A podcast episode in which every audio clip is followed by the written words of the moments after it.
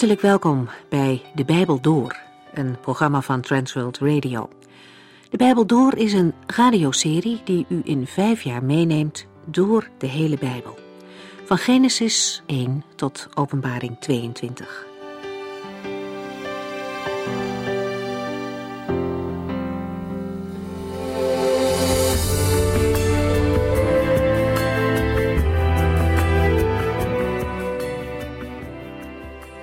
Van Jeremia's profetie en klaaglied gaan we door naar Timotheus. Het zijn Bijbelboeken uit twee totaal verschillende perioden. Maar ze hebben echter ook iets gemeenschappelijks. In beide vinden we een jonge man die meer dan alles in het leven de Heere God wil dienen. Jeremia was nog jong toen hij geroepen werd. Hij kreeg van de Heere zelf een roeping en bemoediging om als profeet op te treden. Onder veel strijd, zowel van de mensen om hem heen als in zijn persoonlijke leven, bleef hij toch trouw aan zijn roeping. Hij gaf niet op. Keer op keer wees Jeremia mensen op het woord van God. Ook Timotheus was nog jong toen hij al volop meewerkte in de evangelieverkondiging. Hij was een grote steun voor Paulus en kreeg een paar verantwoordelijke taken op zijn schouders. In Filippenzen 2 kunnen we lezen hoeveel Timotheus voor Paulus betekende. Hij schrijft, er is niemand die zo met mij meevoelt als Timotheus. Niemand wie u wel en wee zo ter harte gaat. Alle anderen schijnen alleen maar aan hun eigen zaken te denken. En Paulus noemt hem ook geestelijke zoon. In de komende programma's zullen we meer over Timotheus horen als we de twee brieven gaan bespreken die de apostel naar hem stuurde. Het zijn de meest persoonlijke brieven van Paulus in het Nieuwe Testament. De apostel was al op hoge leeftijd toen hij ze schreef. En vandaag begint Corveda met een inleiding op deze brieven.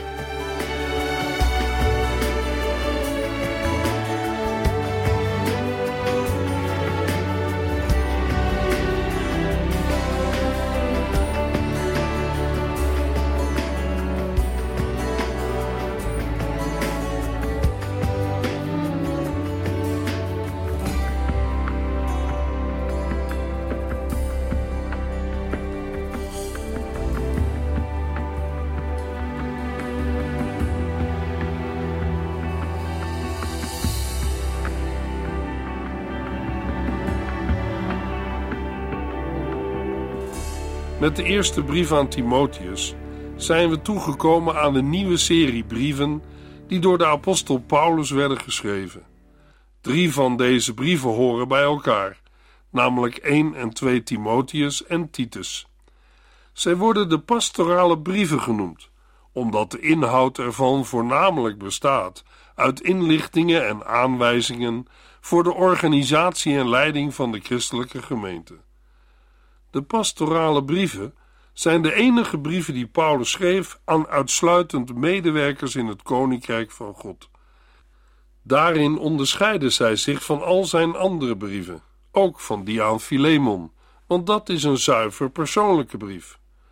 De pastorale brieven zijn als ware de laatste klanken van een zeer krachtige stem, de laatste boodschap van een gevolmachtigde dienaar van de gemeente van Christus. De oude en ervaren apostel Paulus schrijft aan de jonge voorganger Timotheus, die belast is met een zware en verantwoordelijke taak in de gemeente van Efeze. Het is uitdagend werk. Het uitroeien van de dwaalleer, het in stand houden van de eredienst en het vormen van bekwame leiders. Behalve over het gedrag van de gemeente, spreekt Paulus met nadruk over de levenswijze van de voorganger. Timotheus moet ervoor oppassen dat zijn jeugdigheid geen nadeel wordt voor het evangelie, maar juist een voordeel.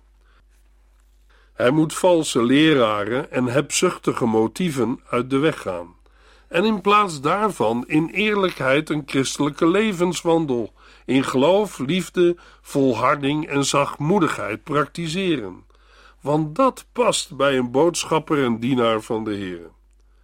De Griekse titel voor deze eerste brief is De Eerste aan Timotheus.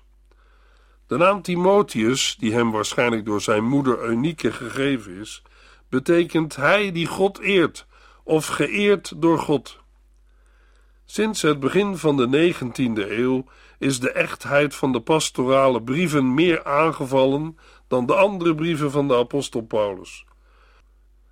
Op grond van de overeenkomst tussen de drie brieven moeten ze met het oog op het auteurschap als één geheel worden behandeld. De vraag is dan ook of Paulus is de auteur van de drie pastorale brieven of de brieven zijn stuk voor stuk vervalsingen. Het externe bewijsmateriaal vormt een solide basis voor het standpunt dat Paulus de brieven aan Timotheus en Titus heeft geschreven. Latere apostolische kerkvaders, zoals Polycarpus en Clemens Romanus, halen de brieven aan als geschriften van Paulus. Daarnaast worden de brieven aangeduid, als geschreven door Paulus, door Irenaeus, Tertullianus, Clemens Alexandrinus en de kanon van Muratori. Alleen de Bijbelboeken Romeinen en 1 Corinthiërs hebben meer bewijs en betere papieren als brieven geschreven door de apostel Paulus. Theorieën over een andere schrijver dan Paulus worden louter en alleen verdedigd op grond van interne bewijsvoering. Ook al staat er in deze brieven dat Paulus ze zelf heeft geschreven, critici houden vol dat het allemaal vroom bedrog uit de tweede eeuw is. Maar dit standpunt roept verschillende problemen op, die er volgens ons niet zijn. Ik noem er vijf. 1. Een brief schrijven onder een valse naam was voor Paulus onaanvaardbaar. Dat was ook zo voor de vroeg-christelijke kerk, die zeer gevoelig was op het punt van vervalsingen. 2. Het bijvoeglijk naamwoord vroom bij bedrog moet geen misverstand oproepen. Een vervalsing heeft niets met vroomheid te maken. Zowel toen als nu was er bij een vervalsing kwade opzet in het spel. 3. De talrijke persoonlijke gegevens en de namen die voorkomen in de pastorale brieven zouden door een vervalser zijn vermeden. Een vervalser zou meer geschreven hebben in vaagheden en algemeenheden. Aan de andere kant, als de schrijver een bewonderaar van Paulus is geweest, zou een vervalser geen uitdrukkingen hebben gebruikt, zoals in 1 Timotheus 1 vers 13 en 15. Nee, de brieven zijn door de apostel Paulus gedicteerd of opgeschreven. Het leerstellig onderwijs en de persoonlijke details sluiten uitstekend aan bij ik, Paulus, ben nu een oud man. 4. Welk doel of voordeel zouden deze vervalste brieven dan hebben?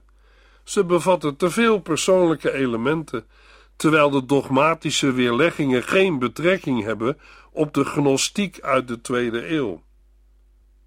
Ten slotte punt 5. De stijl en de inhoud van andere vroeg-christelijke geschriften of apocryfe boeken verschillen sterk van deze drie pastorale brieven. Dat de apostel Paulus de auteur van de pastorale brieven is, veronderstelt zijn vrijlating uit de Romeinse gevangenschap, de voortzetting van zijn zendingsactiviteiten en een tweede gevangenisstraf in Rome. Helaas kan de volgorde van de gebeurtenissen alleen worden gereconstrueerd aan de hand van kleine aanwijzingen, omdat er naast handelingen geen chronologisch verslag bestaat van de laatste levensjaren van Paulus. De volgende reconstructie is daarom niet meer dan een veronderstelling. In Filippi had Paulus er al een voorgevoel van dat hij zou worden vrijgelaten uit zijn eerste Romeinse gevangenschap. Het is mogelijk dat zijn Joodse aanklagers hadden besloten niet te verschijnen bij zijn berechting voor de keizer. Zoals hij beloofd had aan de Filippenzen, stuurt hij Timotheus naar Filippi om het goede nieuws bekend te maken. Paulus zelf ging naar Efeze en naar andere gemeenten in Klein-Azië, zoals Colosse. Toen Timotheus zich weer bij hem voegde in Efeze, instrueerde Paulus zijn helper met de woorden: Blijf in Efeze, terwijl hij zelf naar Macedonië reisde. In 1 Timotheus 3, vers 14 en 15 schrijft Paulus, vermoedelijk uit Filippi aan Timotheus: Ik hoop binnenkort te komen, maar voor het geval dat ik opgehouden word, schrijf ik je alvast. Want ik wil dat je weet hoe het in de gemeente hoort toe te gaan, want de gemeente is het huisgezin van de levende God. Ze is de pijler en het fundament van de waarheid. Nadat Paulus Timotheus in Efeze had gezien, reisde de apostel door naar het eiland Kreta, waar hij, na er een periode te hebben gewerkt in het evangelie, Titus achterliet om het werk voort te zetten. In Titus 1 vers 5 lezen we Ik heb je op het eiland Kreta achtergelaten om te doen wat daar nog nodig was, namelijk in de gemeente van elke stad leiders aan te stellen, volgens mijn richtlijnen. In Korinthe besloot Paulus aan Titus een brief te schrijven, omdat Zenas en Apollos een reis maakten die hen langs Kreta zou voeren. Hij gaf Titus de opdracht om zich in Nicopolis bij hem te voegen, nadat zijn vervanger Artemas of Tychicus op Kreta zou zijn aangekomen. Als Paulus naar Spanje is gegaan, zoals hij van plan was, is hij waarschijnlijk na zijn overwintering in Nicopolis met Titus naar deze westelijke provincie vertrokken. Volgens de vroeg-christelijke traditie is Paulus inderdaad naar Spanje gegaan. Tegen het einde van de eerste eeuw zei Clemens Romanus dat Paulus de grenzen van het westen had bereikt. Omdat Clemens vanuit Rome schreef, had hij blijkbaar Spanje in gedachten. Paulus kan van 64 tot 66 na Christus in Spanje zijn geweest. Hij keerde terug naar Griekenland en Klein-Azië, naar Korinthe, Mileten en Troas en is mogelijk in Troas gearresteerd, waar hij ook zijn waardevolle boekrollen en perkamenten achterliet. Op het moment dat het christendom een illegale godsdienst werd in het Romeinse Rijk, konden de vijanden van Paulus hem met succes aanklagen. Hij werd in 67 na Christus gevangen gezet en schreef de tweede brief aan Timotheus vanuit zijn cel in Rome, na zijn eerste verdediging voor het keizerlijke gerechtshof. Hij werd niet veroordeeld, maar hij koesterde geen hoop op vrijlating en verwachtte dat hij ter dood gebracht zou worden. Hij drong er bij Timotheus op aan te komen voordat dit zou gebeuren. Volgens de overlevering werd de apostel onthoofd ten westen van Rome op de weg naar Ostia. Paulus schreef de eerste brief aan Timotheus vanuit Macedonië in 62 of 63 na Christus, terwijl Timotheus hem vertegenwoordigde in Efeze en misschien ook in andere christelijke gemeenten in Klein-Azië. Zoals we al lazen, kreeg Timotheus de opdracht van Paulus om oudsten aan te stellen, dwaalleer te bestrijden en toezicht te houden op het leven van de pas tot geloof gekomen jonge christenen in de verschillende christelijke gemeenten. Timotheus vertegenwoordigde de apostel. In de aanwijzingen en instructies die Paulus aan Timotheus schrijft, staat Christus centraal. In 1 Timotheus 2, vers 5 en 6 schrijft de apostel: Er is maar één God en er is maar één bemiddelaar tussen God en de mensen, de mens Jezus Christus, die voor die bemiddeling zijn leven gegeven heeft. God heeft deze boodschap op het juiste moment aan de wereld bekendgemaakt. Over Jezus Christus schrijft Paulus in 1 Timotheus 3, vers 16: Christus kwam als mens naar de aarde, werd door de geest rechtvaardig verklaard en door engelen gezien. Hij werd onder de volken bekendgemaakt, in de wereld aanvaard en weer in de heerlijkheid van de hemel opgenomen. Van deze Christus getuigt Paulus ook in 1 Timotheus 1, vers 12 tot en met 16. Wat ben ik dankbaar dat onze Heer Jezus Christus mij heeft uitgekozen om een van zijn boodschappers te zijn, en dat Hij mij de kracht geeft hem trouw te blijven, hoewel ik vroeger zelfs de naam van Christus bespot heb. Ik heb zijn gemeente vervolgd en deze kwaad gedaan, zoveel ik kon. Maar God heeft zich over mij ontfermd, omdat ik niet wist wat ik deed. Ik kende Christus toen nog niet. Wat is de Heere goed voor mij geweest? Hij heeft mij het geloof in Christus Jezus gegeven en mij vervuld van diens liefde. Het is een onomstotelijk feit en iedereen zou dat moeten geloven: dat Christus Jezus in de wereld is gekomen om zondaars te redden. En ik was wel de ergste van hen allemaal. Maar God heeft mij vergeven, opdat Jezus Christus mij zou kunnen gebruiken als een voorbeeld om te laten zien hoeveel geduld Hij heeft. Zo zullen anderen beseffen dat ook zij eeuwig leven kunnen krijgen. Ten slotte 1 Timotheus 4 vers 10 Dit is de waarheid die iedereen zou moeten aannemen. Opdat men dit zal geloven, werken wij hard en moeten wij veel doorstaan, want onze hoop is gericht op de levende God, die de redder van alle mensen is, in het bijzonder van hen die in hem geloven. De eerste brief aan Timotheus is een handboek voor leiders bij de organisatie van de christelijke gemeente. Timotheus is een trouw dienaar van de Heere God, geroepen tot organisatie van en toezicht op de verschillende christelijke gemeenten in Klein-Azië. Paulus schrijft de brief als een naslagwerk over leiderschap, zodat Timotheus bruikbare richtlijnen voor zijn werk heeft tijdens de afwezigheid van Paulus. Paulus wil zijn jongere helper bemoedigen en aansporen een voorbeeld te zijn voor anderen. Timotheus moet zijn geestelijke gaven ontwikkelen en zich inspannen voor de goede wedloop van het geloof.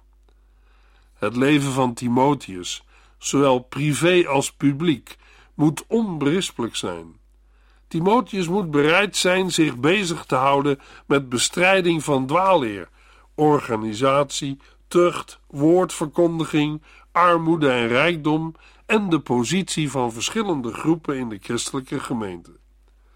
In negatieve zin moet hij dwaling weerleggen. In positieve zin moet hij de waarheid onderwijzen. We lazen al een sleutelvers in 1 Timotheus 3, vers 15 en 16. Een ander sleutelvers vinden we in 1 Timotheus 6, vers 11 en 12, waar Paulus zegt: Timotheus, jij bent een man van God. Vlucht voor al deze lelijke dingen en span je in voor wat rechtvaardig is, voor wat mensen tot God brengt, voor het geloof, de liefde, de toewijding en de vriendelijkheid. Span je in voor de goede wedloop van het geloof en behaal de prijs van het eeuwige leven. Daartoe ben je geroepen en daarover heb je voor vele getuigen een krachtig getuigenis afgelegd. In het kader van het handboek voor leiderschap bij organisatie van de christelijke gemeente is 1 Timotheus 3 het sleutelhoofdstuk. In hoofdstuk 3 worden de eigenschappen genoemd voor de leiders van de gemeente van Christus, de oudsten en diakenen, voorgangers en helpers. Opmerkelijk is het ontbreken van eigenschappen die verband houden met wereldsucces of een positie. In plaats daarvan somt Paulus karaktereigenschappen op en geeft daarmee aan dat het ware leiderschap eerder voortvloeit uit de omgang met de Heere God dan uit eigen bekwaamheden of een succesvolle carrière. De pastorale brieven, de laatste drie brieven van de apostel Paulus, zijn aan het eind van zijn rijke en vruchtbare leven geschreven. Zij waren in eerste instantie gericht aan zijn gevolmachtigde vertegenwoordigers Timotheus en Titus. Het waren de enige brieven die Paulus aan particuliere personen heeft geschreven. De brief aan Philemon werd niet uitsluitend aan Philemon gericht, maar ook aan anderen. Paulus' pastorale brieven hadden als doel Timotheus en Titus aan te sporen en te bemoedigen in hun taak om orde op zaken te stellen in Efeze en op Kreta. In de 18e eeuw kregen deze brieven pas bekendheid als de pastorale brieven. Zelfs al staan er geen termen in zoals herder, pastor, kudde of schapen. Toch is deze benaming toepasselijk voor 1 Timotheus en Titus, omdat het toezicht op het gemeenteleven centraal staat. De duiding pastorale brief is minder toepasselijk voor de tweede brief aan Timotheus, die meer persoonlijk dan aan een gemeente is gericht.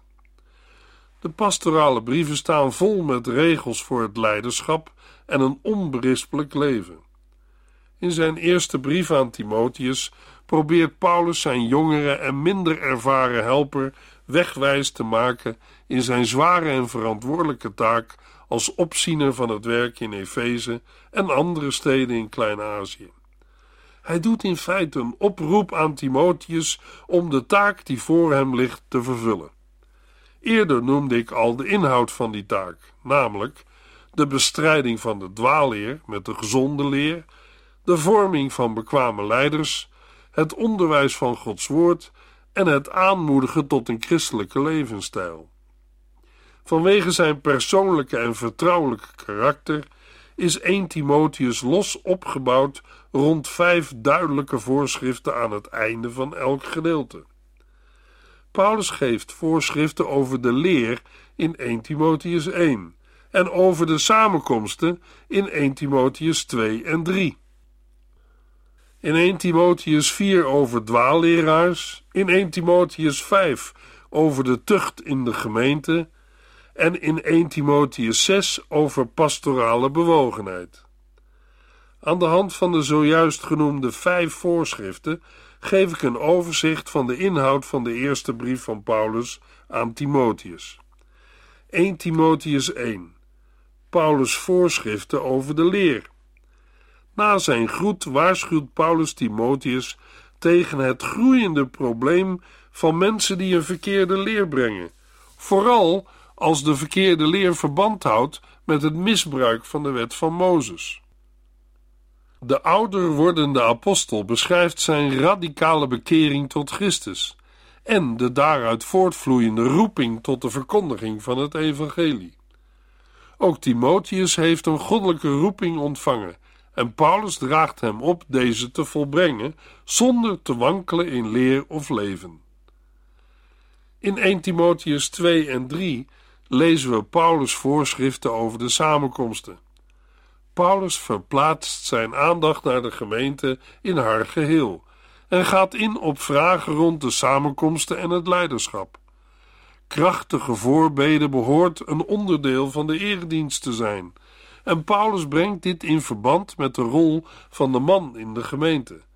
Daarna behandelt hij de rol van de vrouw, waarbij hij het belang benadrukt van de innerlijke gesteldheid in het leven van een gelovige.